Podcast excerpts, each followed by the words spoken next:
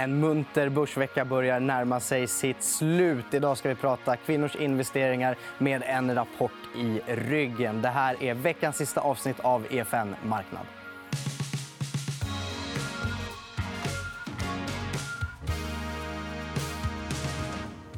Ja, Petra, vad har du till oss idag? En rapport i ryggen, sa du. Jag står ju här borta. ja, Petra i ryggen också. ja, jag har tagit fram en graf här över den fin, fina börsutvecklingen som har haft här senaste veckan. Här ser vi Stockholmsbörsen. Här ser vi S&P 500 i New York.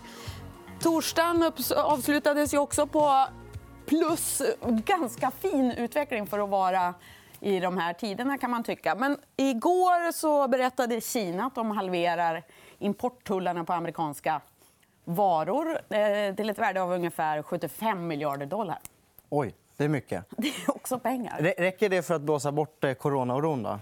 Ja, man kan ju tycka att eh, corona borde spöka mer. Men det är ju så att fortfarande så smittas ju många. Men det liksom accelererar ju inte så här tokmycket. Och då fokuserar nog investerarna på det som är positivt. Och idag 14.30 så får vi sysselsättningssiffror från USA. Får se hur de påverkar. Mm. Eh, det var bland annat något vi pratade om i Makromorgon med Handelsbankens Lars eh, Henriksson. Han, han, tog upp också det om att det inte är någon, den här läskiga accelerationen längre i, i, i, procentuella nya fall. Så att, eh, ja, spännande. Men nu har det blivit dags för dagens huvudrätt. Nu ska vi prata kvinnliga investeringar.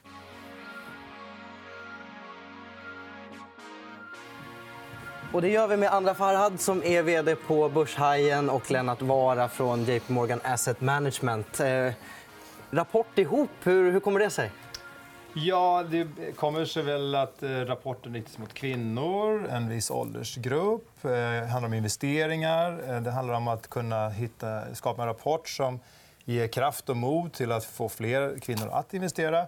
Och eh, hur får man ut det bäst till de som är målgruppen i det? Ja, då pratar man nog med andra på Börshajen för att kunna förmedla det budskapet tillsammans. Och jag tror också att du gillar rapporten mm. ganska starkt. Mm. Nej, men verkligen. Jag pratar om de här frågorna vanligtvis hela tiden. Känns det som.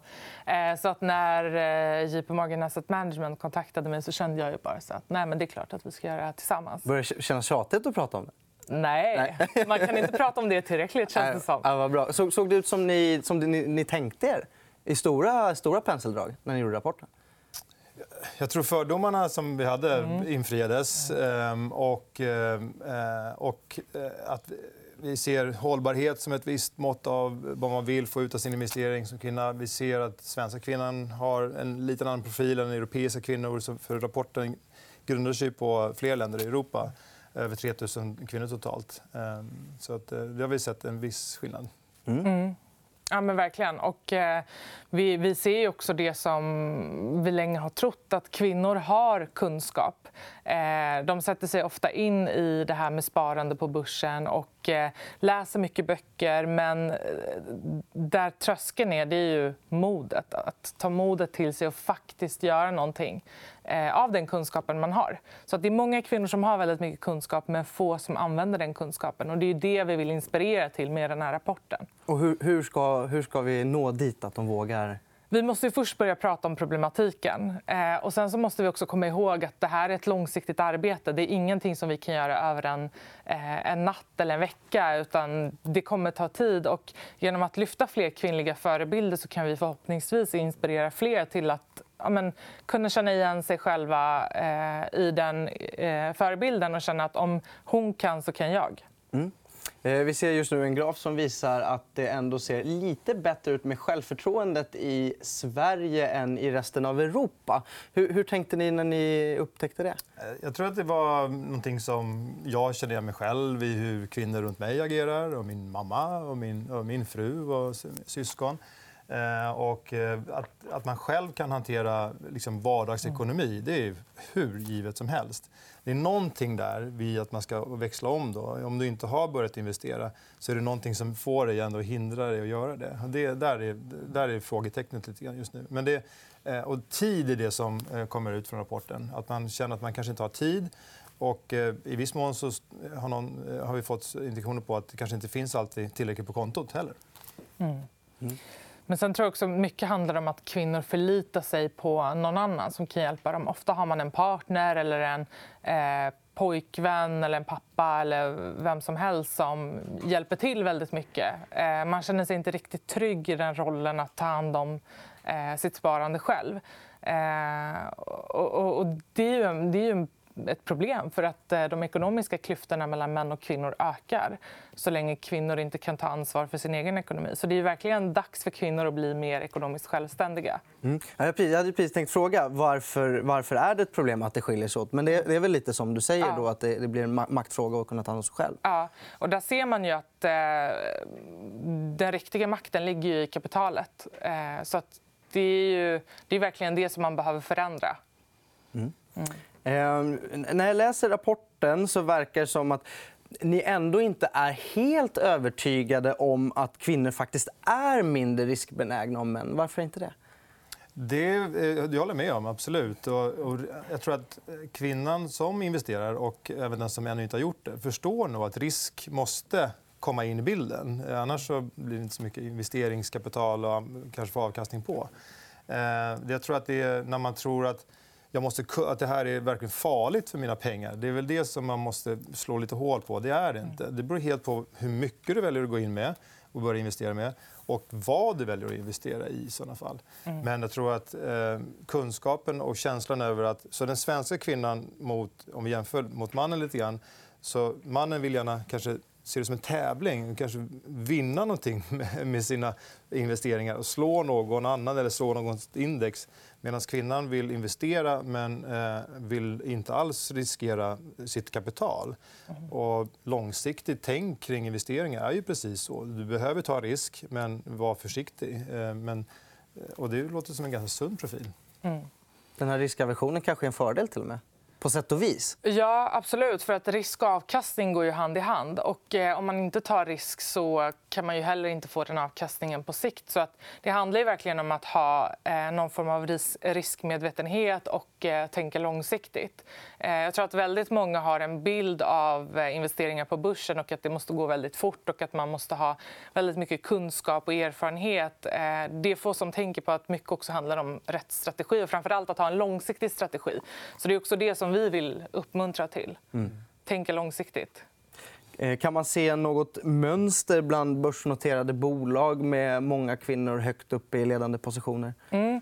Ehm, det, finns ju många rapporter och undersökningar som gjorts kring detta som visar på att eh, när man har en jämställd eh, styrelse och ledningsgrupp eh, så presterar bolagen oftast bättre.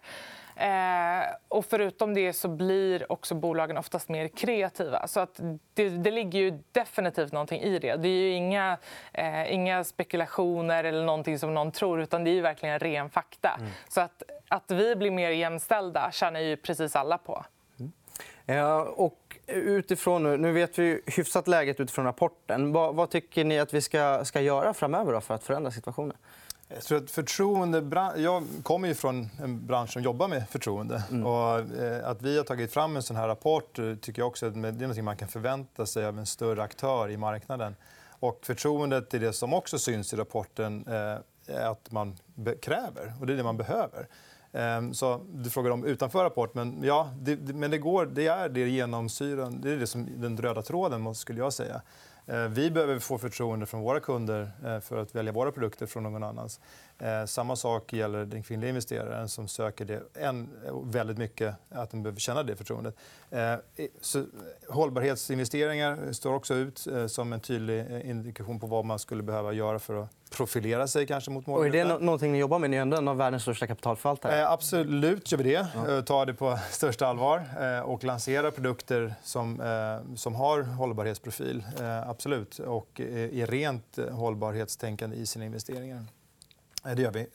Och, kvinnan söker också... I, störst, svenska kvinnan mot den europeiska kvinnan söker större till, i större grad sig till sin egen bank och sin bankrådgivare.